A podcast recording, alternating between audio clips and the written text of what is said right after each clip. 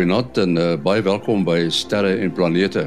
Nou ek dink vanaand het ons 'n besondere program wat ons gesels met Dr. Anton Kokemoer van die Space Telescope Science Institute. Nou vir die van u wat nie weet nie, dit is die plek waar uh, die Hubble teleskoop beheer word en deesdae ook die James Webb. Uh, Anton baie welkom by die program. Uh, thank you very much. Uh, it's an honor to be on the program tonight. En dan het ons ons ander spanlede is uh Mati Hofman en natuurlik Willie Koorts. Anton, miskien moet ons uh, begin deur te vra uh hoe is jy betrokke by die uh, James Webb teleskoop want want ons weet jy was vir jare lank betrokke by die Hubble teleskoop.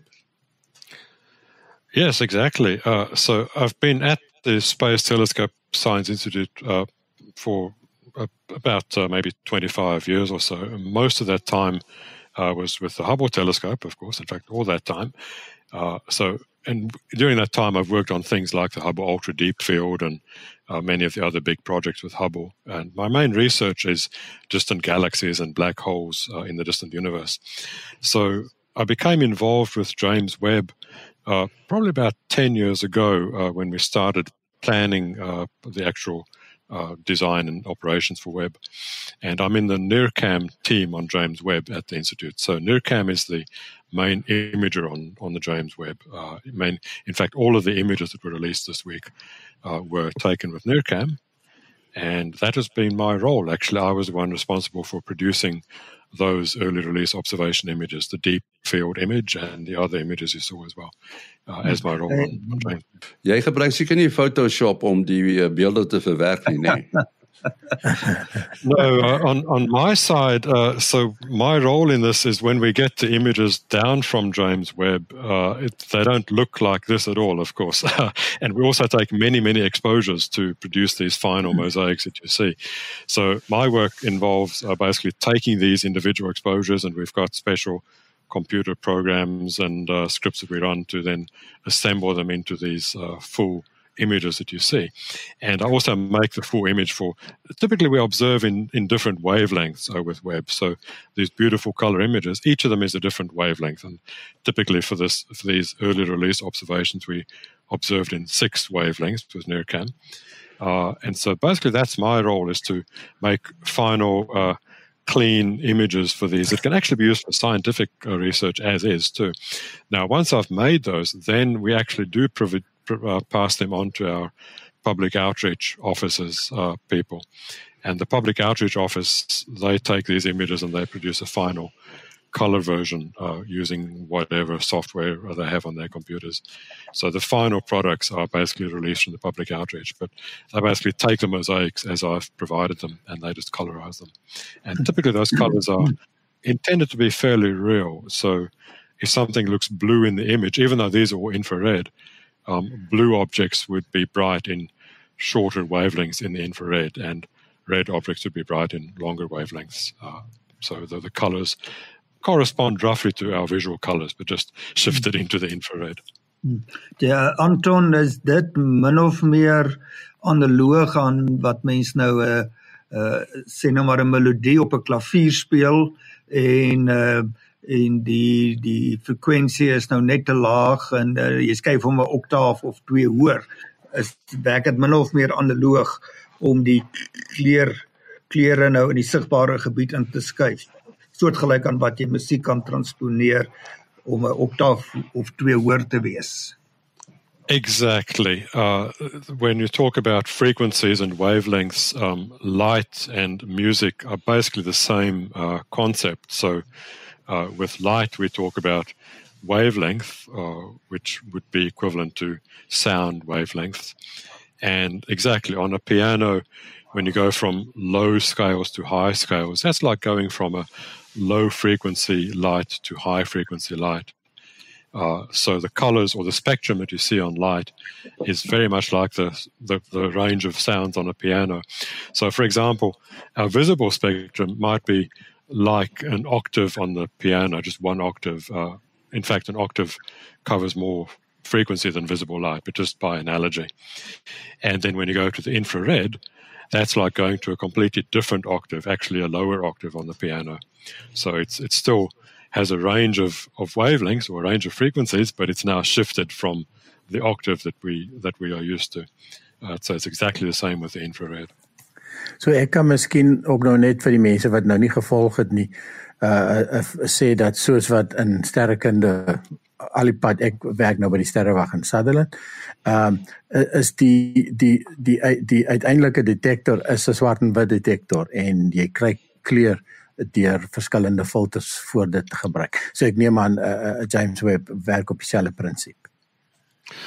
Yes, for the imaging, certainly, uh, which is the NIRCam camera that I'm involved with. Uh, basically, whenever we take an image, uh, in fact, this is how old fashioned photography used to be done, maybe yeah. 50, 60 years ago. They would take uh, basically a, a, camera with a photographic uh, plate, uh, glass plate inside it, and they would take a, a picture of a scene several different pictures with several different filters on the camera. So each picture would be just a, a black and white uh, film, and you would then put another filter on and take a landscape picture, for example. Uh, it's only, I think, with Kodachrome when uh, color uh, um, particles were embedded into the film. So it's much the same with our astronomical detectors. When you take an image, uh, as you say, you always put one filter on in front of the camera and obtain a black and white image with that filter, and then you switch and change to another filter and obtain another black and white filter image with that. And then the processing on our side, we then combine all that into a color image. Now, that's for the imaging cameras. There are other instruments on Webb which, in fact, do obtain all the wavelengths at once. I think some of the early release observations showed those. So we have spectrographs on Webb, which basically take the light and break it into sort of a rainbow spectrum. Uh, again, in the infrared, not in the optical. And with these rainbow, uh, with these spectra, you can uh, identify certain atomic and uh, molecular lines, for example, like oxygen and hydrogen and neon and argon. Um, they, they, they show up as bright peaks in these spectra, and so uh, with that kind of information, we can measure if, if they if they're being given off by different by distant galaxies, we can measure the galaxy distances from those emission lines. So just uh, that that's the other kind of uh, detector that we have on Webb that can do the spectroscopy as well. But for these images, exactly, we take one color at a time and then uh, combine them all on the ground. Ja, Anton, hoe lank neem dit om jy weet so 'n beeld te maak? So, if you're asking about the actual observation time, um, the deep field observations, we have six different uh, filters or wavelengths that we observe that first deep field with. And that was actually the deepest exposures for Webb at that time. So it was about two hours of exposure time. So it's like a taking like like taking a camera and and running letting the shutter open for two hours. That's how long you have to expose for in each of these filters. And uh, in fact, that particular camera, this NIRCam, uh, it's it actually has a short wavelength and a long wavelength. So you actually do have two different cameras that obtain uh, an image in two different wavelengths at the same time, but they all run for, for two hours at a time. So the total depth of that first deep field for these six different filters is about 12 hours if you were to stack the, the different filters together. Um, some of the other observations, the other, like the Carina Nebula, the cosmic cliffs, uh, or the Southern Ring Nebula, the exploding star, um, they had somewhat shorter exposure times, I think maybe 20 minutes or half an hour per filter. It depends which one you look at. Um, but in all cases, uh, we observe in these different filters and we stack the images together. It mm. takes a bit more time to process it on the ground, so that the, the time once we've got the images down, that depends on how big the images are and, how, and how, sort of how, how big the, the mosaics are that we need to construct. But in each case, it's maybe a couple of days to put it together. Wat my nou verstom het op daardie uh web uh first deep field het hulle so 'n klein onopsigtelike rooierige uh galaksie uh gevat en sy spektrum uh gemeet.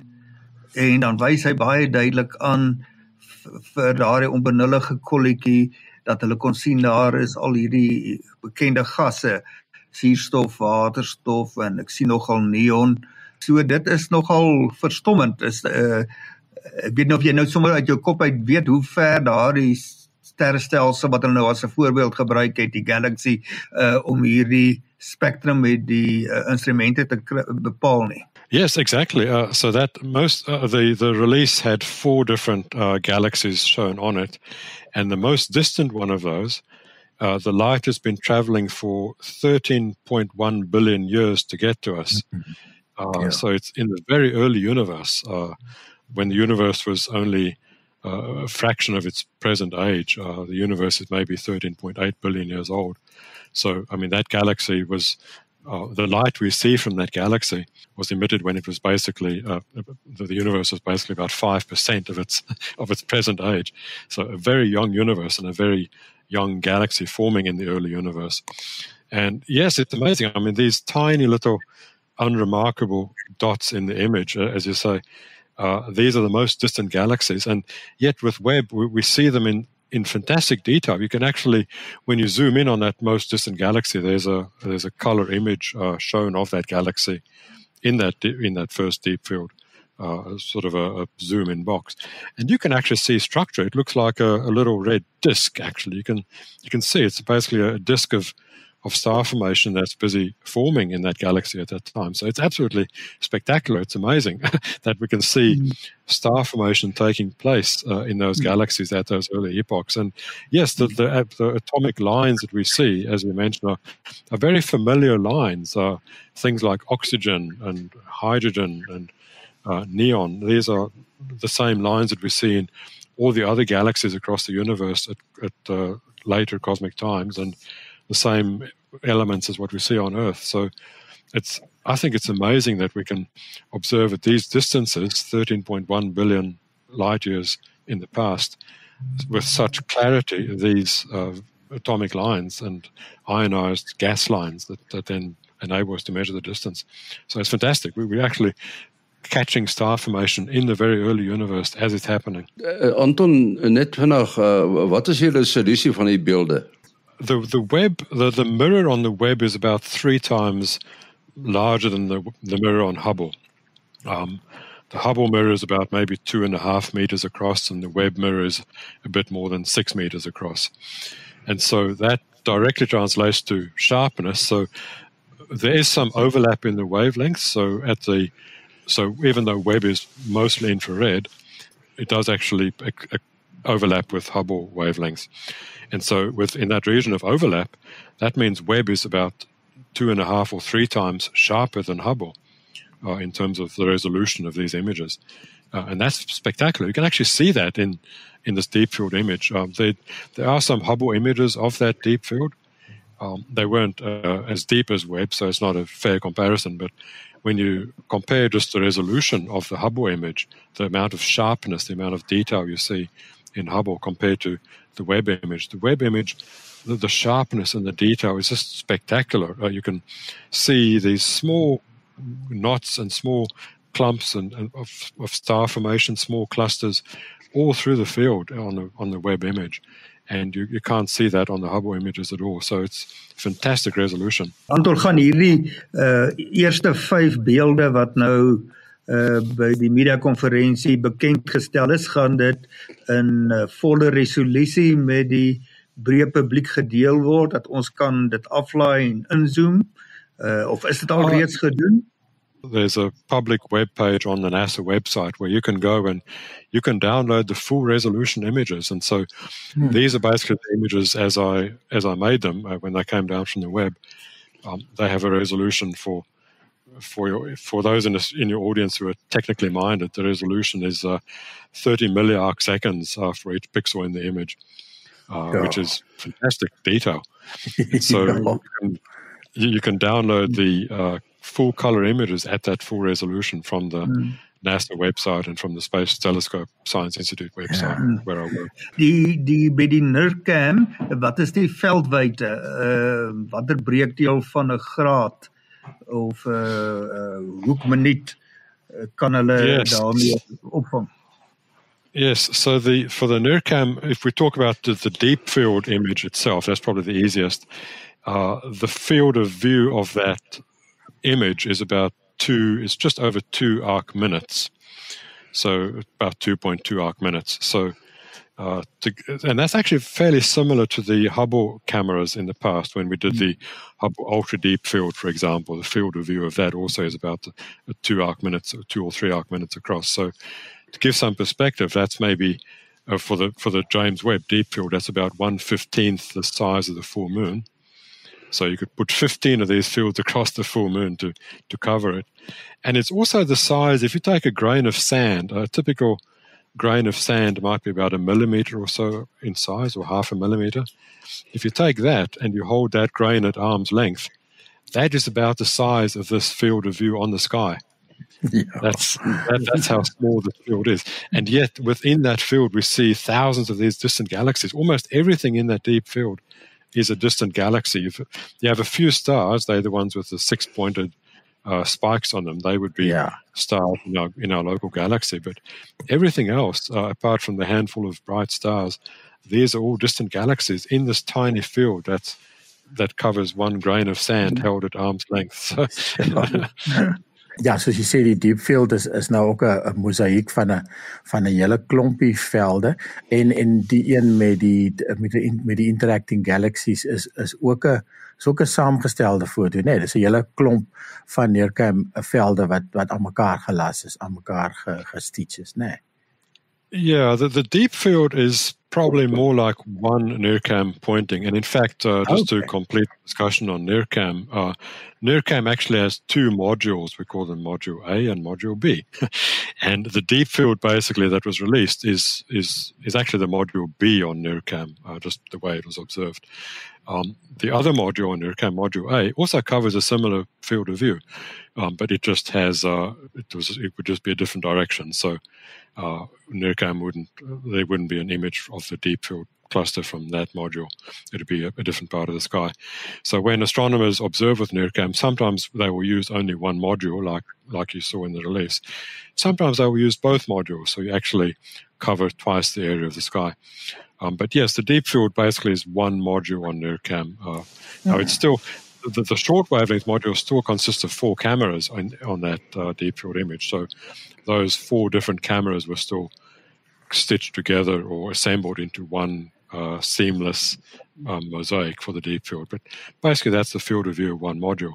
Now, yes, let's go to one of the other images, the Stephan's Quintet, uh, which has the five interacting galaxies. In fact, um, only four of the galaxies in that image are actually interacting. Uh, the other galaxy is in the foreground. So if you look at the image in detail, you see one of the galaxies is, is filled with lots of stars. Uh, that's actually about 10 times closer. That just happens to be a foreground galaxy that's that's in our way. it's, it's it's basically a, a along the way to the Stephan's quintet, so it's not part of the group. Um, so the quintet becomes a quartet in that case, uh, except for the fact that there's another interacting galaxy which is part of, of the Stephan's group, which is off the field of view. So the quint, so you recover the quintet. It's just uh, that we don't see that galaxy. So the mosaic for that quintet that was indeed made by taking the NIRCam instrument and making many different pointings. We did a grid of about uh, nine different pointings for, for that Stephan's quintet. And again, I stitched them all together into one mosaic. Um, that mosaic uh, covers, I think, about 150 megapixels, so it's the biggest mosaic. And it's a very interesting field. So you have these galaxies in this group, and they're all gravitationally bound to each other, so they're all interacting with each other.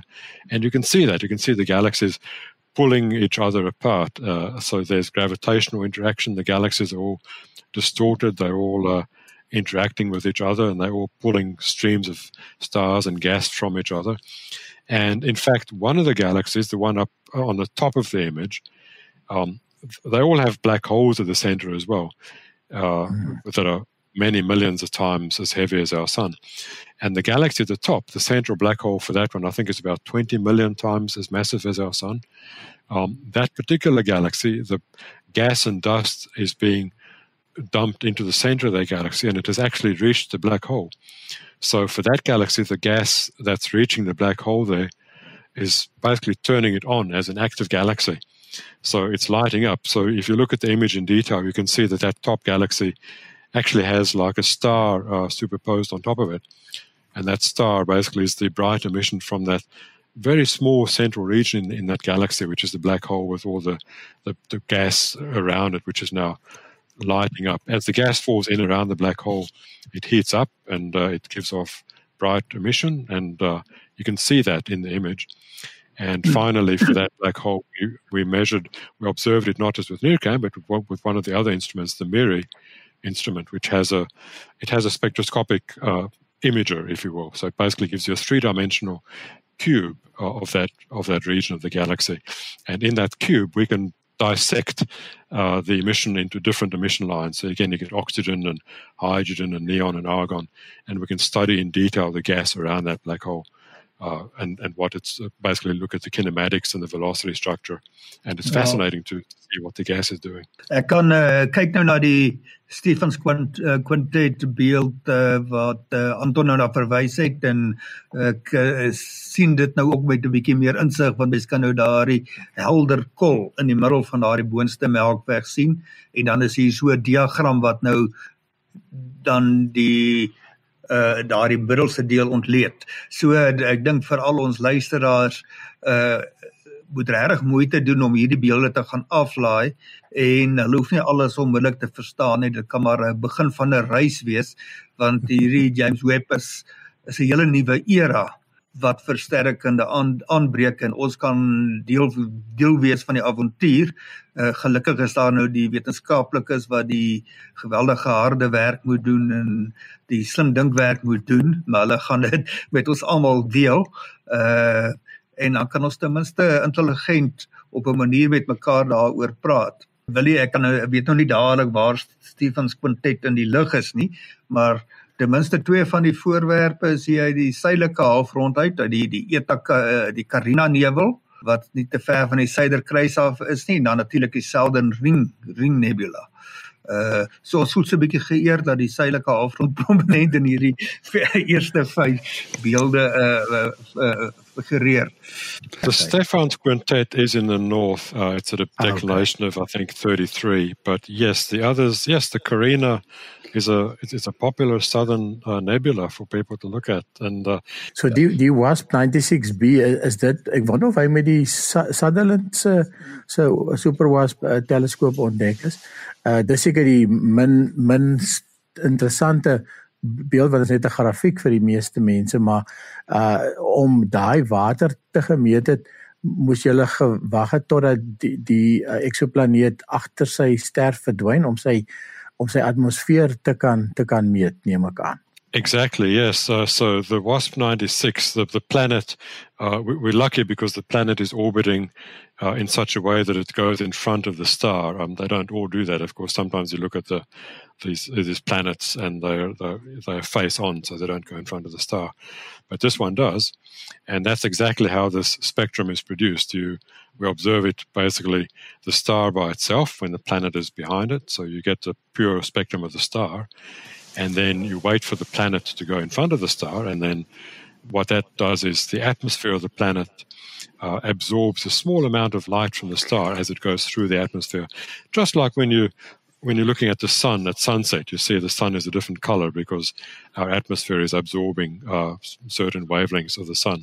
Uh, it's very much the same thing. So you can see then the spectrum of the of the star with the planet in front of it, and then Indeed, you subtract the two, and that gives you the difference image, which is then the the, the absorption of this uh, starlight by the spectrum of the planet.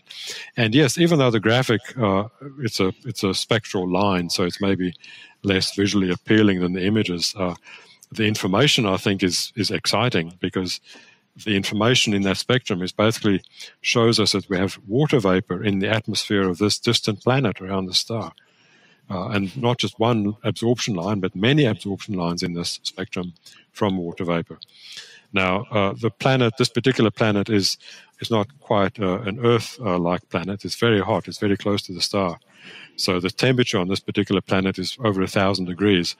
so it, you wouldn't want to live there. So the, the water vapor we see is basically like steam in the atmosphere. But still, um, just the fact that we can observe these planet atmospheres and measure the composition of of the gas in these atmospheres. I think it's spectacular that Webb can do this in such a short amount of time. Um, so mm-hmm. this whole field of exoplanet atmospheres we're very excited about for the future. Hoor ons kan nog baie lank praat met uh, Anton oor uh, hierdie wonderlike speelding van hom daarbo in die uh, in die ruimte 1 en 'n half miljoen kilometer van die aarde af.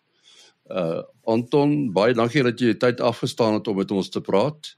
En uh ons hoop ons praat binnekort weer met jou as jy nog van hierdie foto's saamgestel het. Yes, thank you very much. It's been wonderful being on and talking with all of you. Uh, Mate, jou besonderhede? Uh selfoonnommer 0836257154. 0836257154. Wat is? 0724579208. 0724579208. En dan die e-posadres van die program is sterreplanete@gmail.com. sterreplanete@gmail.com. Volgende week is ons weer hier. Tot dan, mooi loop.